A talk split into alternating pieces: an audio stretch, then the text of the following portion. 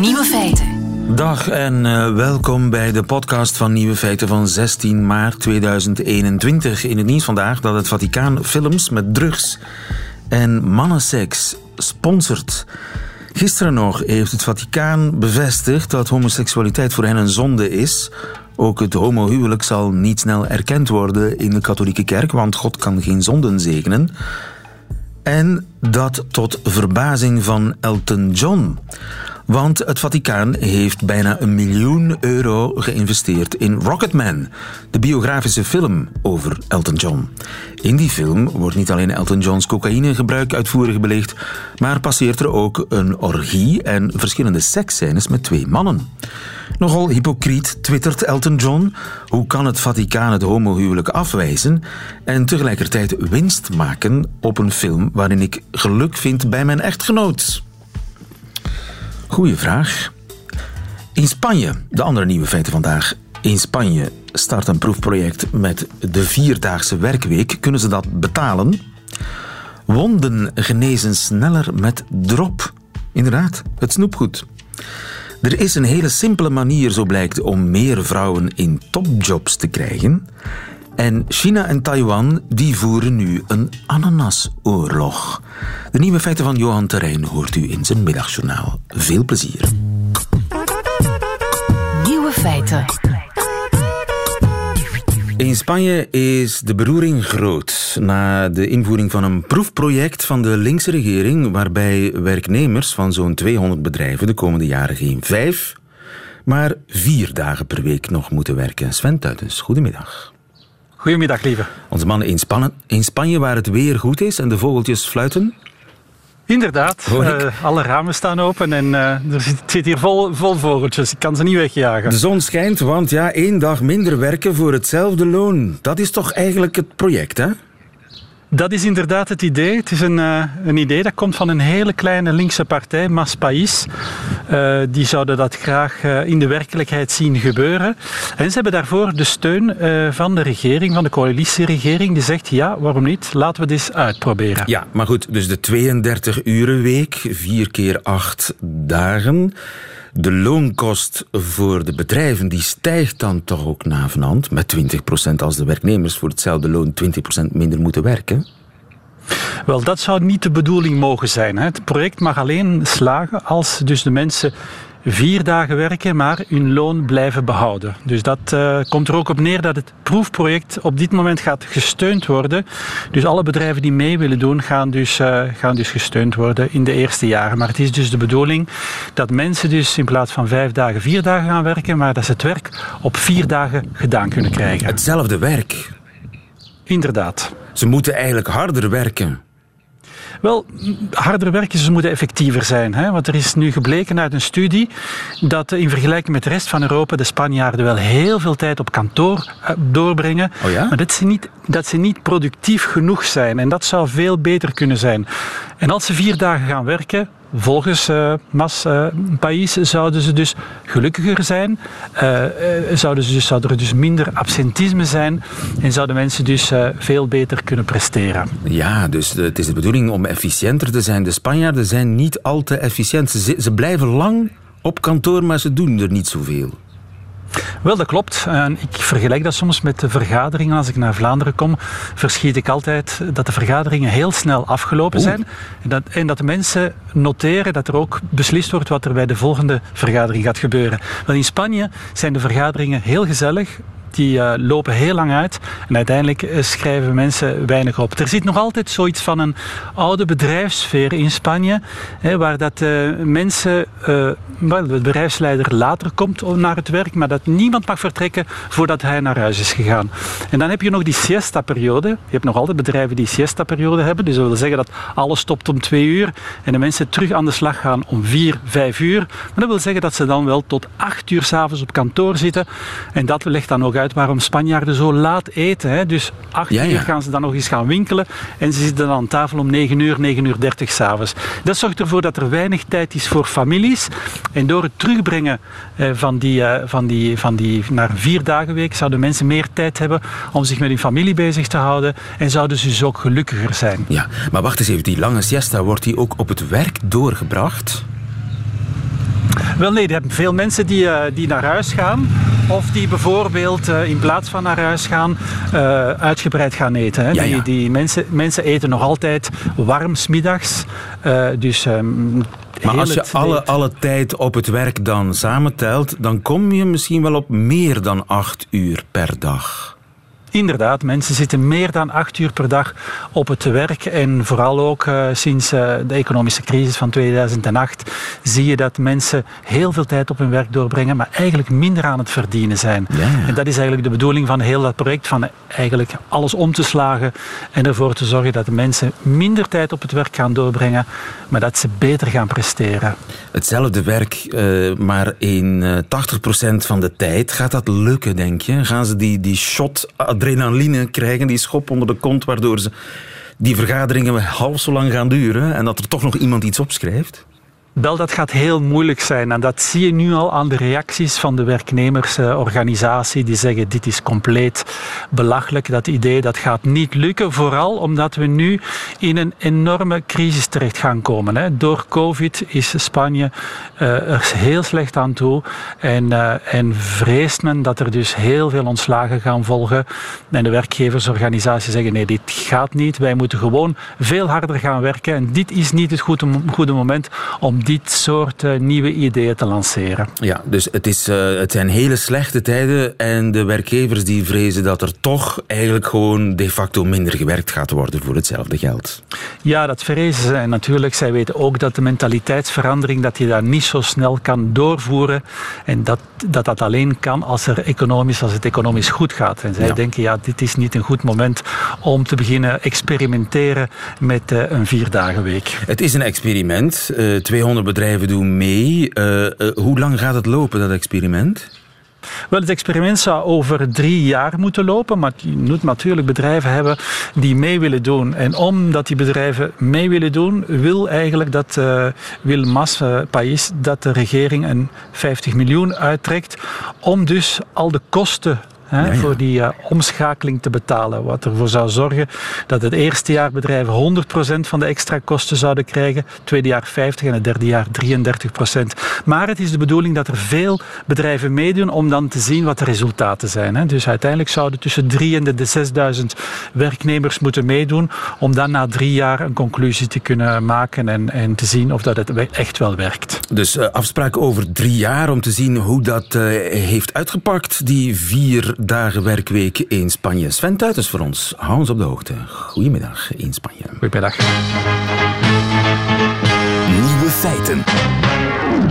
Waar is de arbeidseconoom als je hem nodig hebt? Goedemiddag Stijn Baart. Goedemiddag. Zeg Stijn, wat vind jij van dat uh, proefproject in Spanje?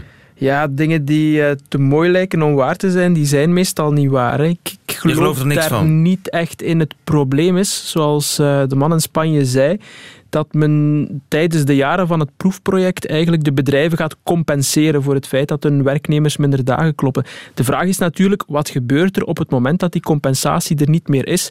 En dan ben ik het volledig eens met wat dat, uh, u zei, lieven, dat uh, ja, op dat moment de loonkosten voor die werkgevers de hoogte inschieten en dat zij er, alle baat bij hebben om de, de arbeid te gaan automatiseren of in een ander land uh, arbeiders aan het werk te stellen. En op dat moment kun je, kun je eindigen met, met minder arbeid in je land en dus min, minder kansen voor mensen om aan het werk te geraken. Ja, dus ik geloof er niet in. Je gelooft er niet in, maar laten we eerst even de, de resultaten afwachten. Wie weet Mhm. dat het mirakel toch gebeurt, hè? Absoluut. Drie jaar eh, gaat die eh, proeftijd duren in Spanje. Maar ik had jou eigenlijk gevraagd om eh, naar de studio te komen voor iets helemaal anders. Want er is een heel bijzonder en interessant onderzoek over eh, vrouwen en mannen in topjobs.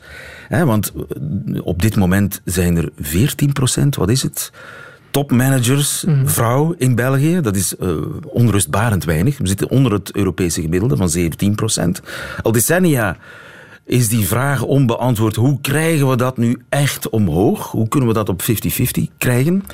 En er is een oplossing bedacht, of een oplossing getest, die even geniaal is als simpel. Hoe zit dat in elkaar? Ja, ik moet zeggen dat ik eigenlijk jaloers was toen dat eh, een van uw redacteurs met de studie doorstuurde, want ik had ze graag zelf uh, geschreven. Het komt er eigenlijk op neer, we weten dat een, een aanwervingsproces of een promotieproces, dat verloopt in fasen. Eerst maak je een shortlist van mensen die je in overweging neemt. En wat uit die studie blijkt, is dat die shortlisten die je maakt bij het begin van zo'n uh, procedure, dat die best voldoende lang is. Zeker wanneer dat je posities moet opvullen waar dat je typisch aan mannen denkt. CEO's, ingenieurs. En wat blijkt als je gaat van een, een lijstje van drie naar een lijstje van zes kandidaten waar dat je gesprekken mee aangaat, dat er dan plots vrouwen uh, op, die, op die lijsten voorkomen en ook in het sollicitatiegesprek terechtkomen. Dus meer vrouwen die dan in dat lijstje van zes ja, op plaatsen vier, vijf en zes vaker voorkomen. Maar eens dat je op het lijstje staat, maak je natuurlijk een kans op de job. Dat is wel raar. Hè? Dus als je aan mensen vraagt hè, wie moet de nieuwe baas worden, geef mij een lijst van drie namen. Dan zullen dat, grote kans, mm drie mannen zijn. Maar als je aan diezelfde mensen vraagt, maak een lijst met zes mensen, zes kandidaten om de nieuwe baas van de VRT te worden, ik zeg maar iets. Ja. Dan is de kans dat, die, dat op die lijst van zes er een vrouw staat vele malen groter. Ja, u had zomaar een andere CEO kunnen, kunnen hebben met een lijstje van, van zes. Nee, dat is inderdaad wat, er, wat eruit blijkt. En die shortlistjes, die shortlijsten, die, die, die, die circuleren. Dat is de manier waarop mm, die, die, mensen worden gerecruiteerd. Ja, ja, het is niet iets wat dat in het abstracte van een, van een laboratorium of van een universiteit met professoren die daarover nadenken bestaat. Nee, nee, er wordt in de realiteit met dat soort lijstjes gewerkt. Wij spreken daar over prototypisch denken. Dat wil zeggen dat je voor sommige jobs een bepaald prototype eh, in gedachten hebt die die functie idealiter invult of vaak invult. En bij een CEO denken mensen nog heel snel aan, uh, aan mannen die zij daar... een gewoonte. Ja, Eigenlijk gewoon een gewoonte. De bouwvakker is een man. Mm waarom? Daarom. Ja, een, een, een, sterke man die, die, die alles in de bouw kan, zoiets. Ja, en dan de baas van eh, de VRT of van, van eh, de universiteit. Mm dat ja, je eerste gedacht is een man. Maar als je zegt van denk eens verder door, dan komt er automatisch eigenlijk een vrouw. Zo werkt dat. Ja, we weten ook uit, uit recent ander onderzoek dat, dat bij discriminatie op de arbeidsmarkt dat dat vaker iets impliciet is, iets dat ergens achteraan ons hoofd gebeurt. Onbedoeld. In plaats van, ja, inderdaad, in plaats van op racisme of zo gestoeld te zijn. Dan heb je een vrouw op die lijst van zes. Is, mhm. is ze daar ook iets mee? Maar eh, de kans is natuurlijk klein dat ze dan uiteindelijk het haalt. Ik denk het niet. Of niet? Eens dat je op die shortlist staat en men nodigt je bijvoorbeeld uit om op een gesprek te komen, dan heb je een eerlijke kans. En het is vaak zo dat, dat je misschien wel een zekere rangschikking in dat lijstje in gedachten hebt, maar dat op het moment van zo'n uh, gesprek een totaal andere kandidaat als degene waar je aan dacht, uh, ja, er bovenuit steekt. En, en dan gaat het ook meer ja, op, op, op, op feitelijke gronden zijn dat een beslissing wordt genomen en dan wordt uh, die eerste drempel misschien doorbroken. En dat is echt onderzocht nu mhm. door collega's van jou, gepubliceerd in, in, in mm belangrijke tijdschriften. Absoluut. Dus het werkt. Misschien werkt het beter dan het opleggen van quota. Ja, wel, ook daarom vond ik het heel interessant om de studie door te nemen. Hè dit lijkt een enorme beleidsrelevantie te kunnen hebben. We moeten natuurlijk met twee woorden spreken. Het is in de Verenigde Staten getest. Enkel en alleen voor, voor genderdiscriminatie. Dus wat het doet voor bijvoorbeeld leeftijd, etniciteit en zo verder, dat weten we niet. Vertaalt zich dit ook in, bijvoorbeeld in België? Dat zijn we niet helemaal zeker. Ik heb de studie ook meteen doorgestuurd naar twee doctoraal onderzoekers van mij om, om daar verder op te werken. Maar als dit bevestigd wordt, ja, dan is het duidelijk dat dat een soort van derde weg is in het, in het antidiscriminatiebeleid. Je hebt enerzijds opsporen en bestraffen, wat ik zelf nogal voorstander van ben. Anderzijds heb je quota, maar daar, daar is ook veel tegenstand tegen. En dit is een, ja, een weg die, als die effectief blijkt te werken, veel minder ingrijpend is en ook bij werkgevers denk ik veel meer draagvlak zou kunnen kennen. Tuurlijk, het zijn informele lijstjes. Kun je dat verplichten? Kun je dat formaliseren? Kun je dat in beleid gieten, zoiets? Wel, in elk geval binnen overheidsinstellingen zou je daarmee aan de slag kunnen gaan. Zeker in de breedst mogelijke zin. Bijvoorbeeld ook universiteiten, die, die rapporteren over hoe dat zij met belastingsgeld de best mogelijke mensen aanstellen, volgens welke procedures, wie zij voorselecteren en zo verder. Je zou daar kunnen zeggen, in plaats van u met quota bezig te houden, eh, moet u eh, vanaf nu eh, aantonen dat u voldoende kandidaten in rekening hebt genomen. En opnieuw, als het blijkt te werken, dan lijkt mij dit ook iets voor een, bredere groep van bedrijven die hier volgens mij veel liever mee aan de slag zullen gaan dan met die dreiging van quota die toch altijd een beetje boven het hoofd hangt. Het is simpel, maar je moet er even op weten te komen. Dankjewel, Stijn Baart. Met Goedemiddag. Nieuwe feiten. Al wekenlang is de hashtag Freedom Pineapple trending op Twitter. Vrijheid voor de ananas. Met uh, veel foto's van de meest exotische ananasgerechten. Ananastaart met gebrande suiker en rum. Gebakken rijst met ananas en garnalen. Buikspek met ananas op de barbecue. Blijkt dat er dus een ware ananasoorlog aan de gang is tussen China en Taiwan. Vera de Vos, goedemiddag. Goedemiddag. Je bent onze China-kenner. Net terug uit Taiwan, hoor ik. Uh, nee, dat klopt niet hoor. Uh, er is ook corona in de wereld, lieven. Uh, het is al even geleden. maar een paar jaar geleden ben ik er wel geweest. Ik weet niet of ik toen ananas heb gegeten eigenlijk. eten ze daar veel ananas? Um, ze hebben daar een heel bijzondere variant. De Golden Diamond heet die. Um, ananas wordt vooral in het zuiden van Taiwan uh, geteeld, waar het nogal exotisch warm is. En uh, 10% van die export, en dan vooral de Golden Diamond ananassen, die gaan naar China. En dat is het probleem. Die gingen naar China. Die gingen naar China, tot uh, China, ik denk uh, eind februari, uh, plots aan Taiwan liet weten dat ze geen Taiwanese ana ananassen meer wilden, omdat er officieel omdat er meelwormen zouden gevonden zijn tussen een lading ananassen. Maar officieus natuurlijk, omdat ja, China het niet heel erg eens is met de koers van de Taiwanese overheid sinds president Tsai Ing-wen daar aan de macht is en haar democratische progressieve partij ja, steken ze Taiwan nogal graag stokken in de wielen. En het laatste incident was dus een verbod op de invoer van Taiwanese ananas. Maar dan kenden ze Tsai Ing-wen nog niet. Hoezo? Uh, die heeft meteen een campagne gelanceerd um, onder de noemer Eet ananas tot je barst. Uh, dus ze heeft eigenlijk okay. de Taiwanese aangezet om ananassen te eten. Toch niet op pizza? Uh, Nee, nee, dat hebben zij niet gedaan. Maar als, helaas, als je de Freedom Pineapple op Twitter invoert, kom je de verschrikkelijke pizza Hawaii tegen. Maar laten we het daar vooral niet over hebben. Uh, maar ze is dus een uh, campagne begonnen om de ananas te promoten. Denk een beetje aan het moment waarop Rusland onze peren niet meer wilde en wij allemaal Belgische peren moesten eten. Maar uh, in Taiwan zijn ze nog een beetje verder gegaan, want ze hebben daar een hele sociale mediacampagne aan gewijd. Tsai heeft dan allerlei ananasproducten voorgesteld. Uh, ananascake, ananasjam, uh, je hebt er net al allerlei dingen opgesomd. Zelfs ananascosmetica. Ananascosmetica kan ook? Ja, dat is bijzonder goed voor je vel, blijkbaar. En, en shampoo ook, dus uh, in de douche kan dat ook. Um, ze heeft dat... Um, ja, dus ze wou de Taiwanese aanzetten om meer ananas te eten. Maar niet alleen de Taiwanese, ze heeft ook alle diplomatieke vertegenwoordigers in Taiwan. En ja, dan zitten we weer met die speciale situatie. Uh, er zijn weinig of geen ambassadeurs in Taiwan, omdat de meeste landen Taiwan niet erkennen als natie. Maar er zijn wel vertegenwoordigers. België heeft daar ook een vertegenwoordiger bijvoorbeeld. Ze heeft die allemaal overgevlogen naar het zuiden, of met de trein, dus hoge snelheidstrein, naar het zuiden van Taiwan. Ze heeft die daar neergepoot in een ananasveld. Want lieve ananassen groeien niet aan de bomen, maar in een veld, een soort stekelige cactus. Ik heb dat ook maar ontdekt als ik in het, uh, in het zuiden van China was. Uh, al, die, al die diplomatieke vertegenwoordigers staan daar in een veld, houden allemaal een ananas in een hand en uh, zeggen daar dan bij Freedom Pineapple is the best, hashtag. En die foto staat op Twitter. En ja, ja dan is het een beetje ontploft eigenlijk, kan ik wel zeggen. Het is ja. ontploft tot in nieuwe feiten als het ware. Zelfs wij hebben het gevoeld dat Freedom Pineapple, dat dat trending is op Twitter.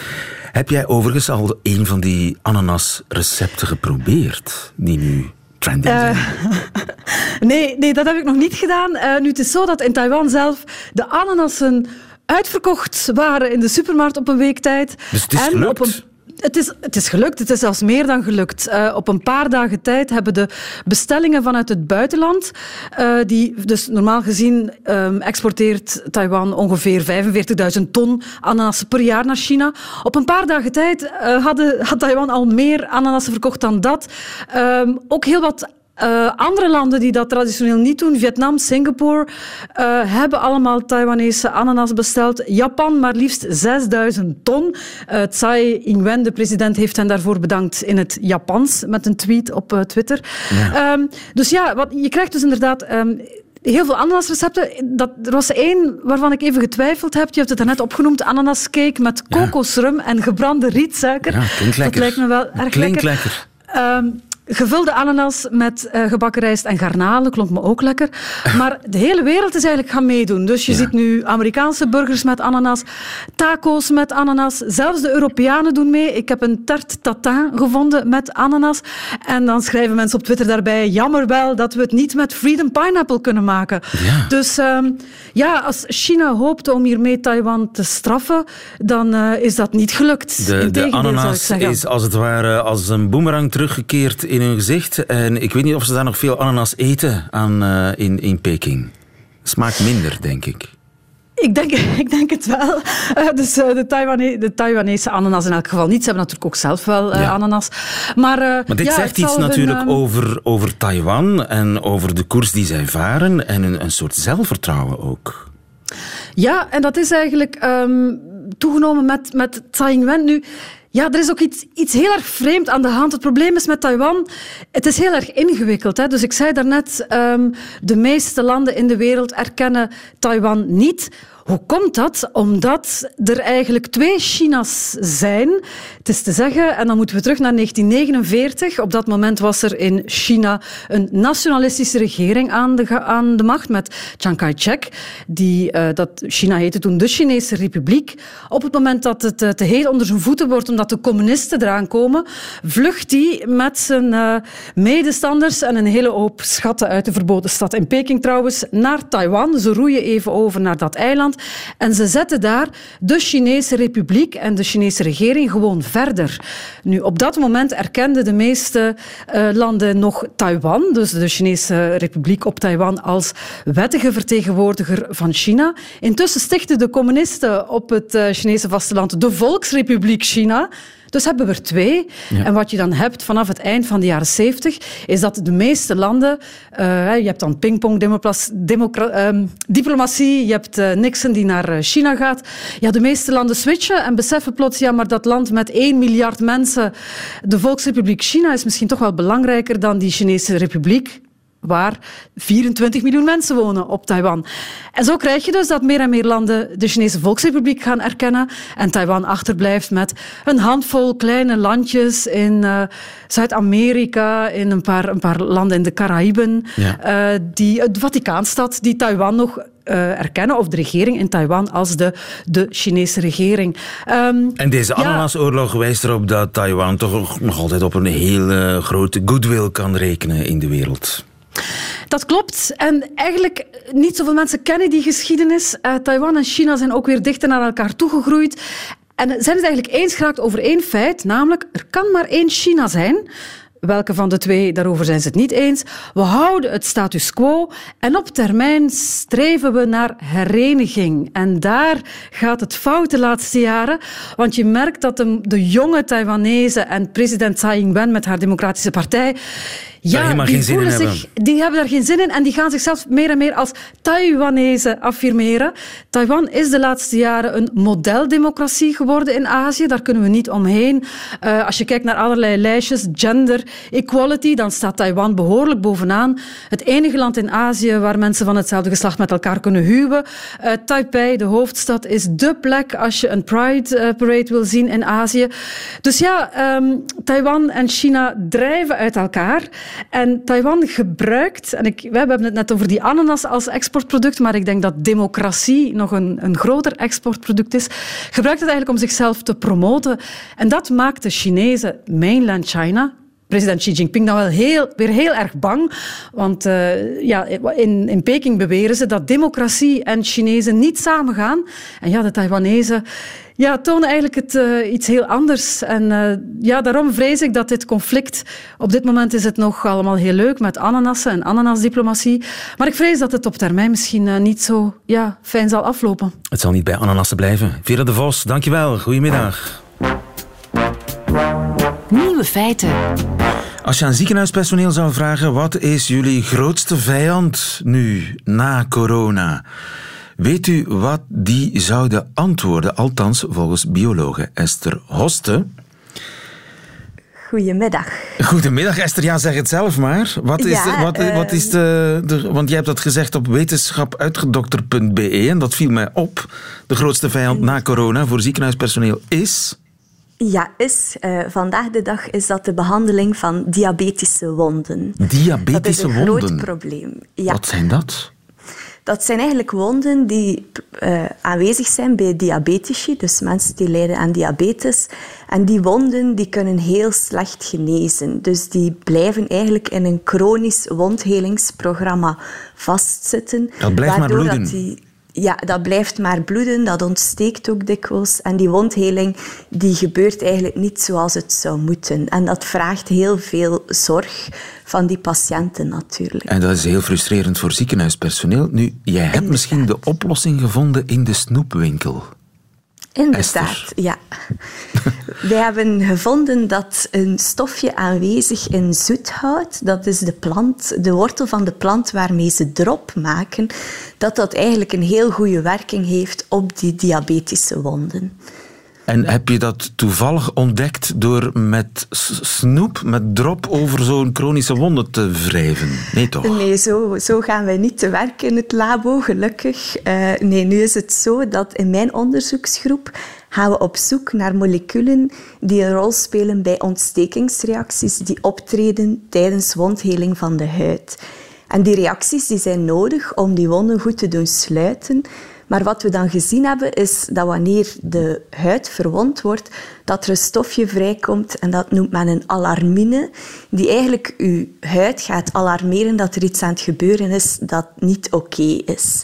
En wat er dan gebeurt, is dat dat stofje ervoor zorgt dat er een overactivering van ons immuunsysteem plaatsvindt. En dan zijn we eigenlijk gaan zoeken van oké, we moeten dus zorgen dat dat alarmine kan geblokkeerd worden, zodanig dat die overactivering niet gebeurt en dat die wonden dus sneller kunnen gaan genezen. En zo zijn we na een zoektocht in de literatuur terechtgekomen bij drop, dus bij glycyrrhizine. Dat is het actieve deeltje dat aanwezig is in zoethout. Glycyrrhizine. Ja, een ingewikkelde naam. Ja, en dat is al langer bekend dat dat glycyrrhizine dat dat iets doet bij wondgenezing. Het is al langer gekend dat glycyrrhizine iets kan doen bij overdreven immuunreacties. Dus dat is al geweten van in de alternatieve oude Chinese geneeskunde. Maar dat dat iets doet op wondgenezing van de huid, dat is eigenlijk iets dat wij samen met mijn samenwerkers in ja, ja. Eh, KU Leuven hebben ontdekt. Ja. Maar dat alarmine, dus de vijand van drop, zeg maar, is dat dan vooral actief bij diabetici? Dat is iets dat inderdaad overgeproduceerd wordt bij diabetici, maar ook bij gewone wonden. Dus we hebben gezien dat onze drop shell, als je wil, die we gaan maken, die we dus op de wonden gaan aanbrengen, ook gewone wonden kan gaan versnellen in een wondgenezing. Ah ja. Dus je gaat echt ook een gel maken? Ja, dus wat er gebeurt, wat we gezien hebben, is als we dat glycyrrhizine, dus die actieve component uit drop, gaan oplossen in water, dat die eigenlijk automatisch een, een gel gaat gaan vormen. En die gel die kan je dan op wonden aanbrengen en dan zie je dat die wondgenezing sterk versneld wordt. Ja. En zo zou het ziekenhuispersoneel je wel eens heel dankbaar kunnen zijn dat ze die wonden van diabetici beter kunnen verzorgen. Inderdaad. Komt die er snel, je gel? We, we, hopen dat. We zijn momenteel bezig met studies in varkens, hè, omdat de vorige studies zijn gebeurd vooral op muizen.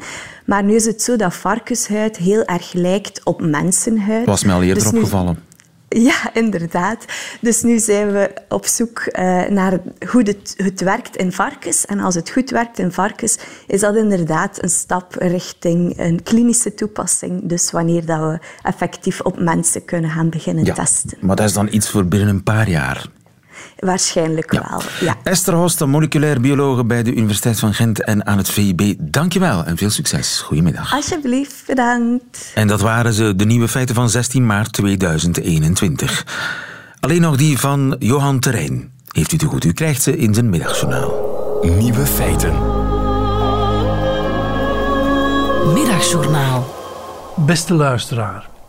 Omdat online werken en online studeren overal kan waar je online kan, ontvoerde ik afgelopen week mijn eerstejaarsstudent uit Leuven en nam hem mee naar een Ardens lijststeenhuis dat ondanks zijn idyllische ligging eveneens online lag. Elke seconde dat we geen videomeeting hadden of les moesten bijwonen, sprongen we in onze bottines en stormden we naar buiten. S'avonds speelden we schaak, staken we een haardvuur aan en sliepen we sinds lang nog eens samen in één bed. De eerste nacht lagen we omstreeks drie uur wakker. We ploegden onwennig het bed om. Ik vroeg hem uiteindelijk wat er scheelde. Hij zei: Ik weet niet. En als hij dat doet, dan weet ik dat ik even moet doorvragen. Na wat heen en weer klonk het als volgt uit zijn mond: Hoe kan ik weten of mijn studie de materie is waar ik mijn hele leven mee wil vullen als ik enkel en alleen online les volg? Mijn hoofd zit vol leerstof en mijn hart wordt niet gevuld. Ik knikte in het donker, wat voor hem zoveel betekende als ik was stil. Na een poos zei ik dat ik me kon voorstellen dat dat niet gemakkelijk was, maar dat het ook oké was om in het leven af en toe wat te drijven en ons niet te veel zorgen te maken waar naartoe we precies aan het drijven waren. Dat we dat wel zouden zien als we ergens aankwamen en dat we dan nog altijd ons met de voeten weer van de kant konden afzetten. Ik hoorde in zijn zorgen dat hij zich geen verloren jaar wilde permitteren. Geen enkel jaar is verloren, zei ik. Je haalt altijd overal iets uit. En als je zo denkt, lig je minder wakker, zei ik, ook half tegen mezelf. Waarop hij knikte. Tenminste, dat denk je dan tijdens zo'n nachtelijke gedachtenwisseling. Ik stelde voor om dierenketting te spelen. Het spel waarmee we vroeger urenlange autoritten doden. Daar zouden we vanzelf weer van in slaap vallen. Hij lachte en begon. Na een twintigtal dieren zat ik al bij de uitgestorven soorten dino en dodo. Dat telde niet. Na een dertigtal letters begonnen we zelf dieren te verzinnen, want dat mocht wel van onze eigen spelregels. Dode dieren mochten niet, maar verzonnen dieren wel. Nijlschaap. Na een veertigtal dieren lagen we te ronken. De volgende dag stonden we met een stralende glimlach weer op. Wat een deugd deed het om te midden alle zorgen weer even gewoon een dierenketting te maken. Als vader en zoon. Dat was drijven.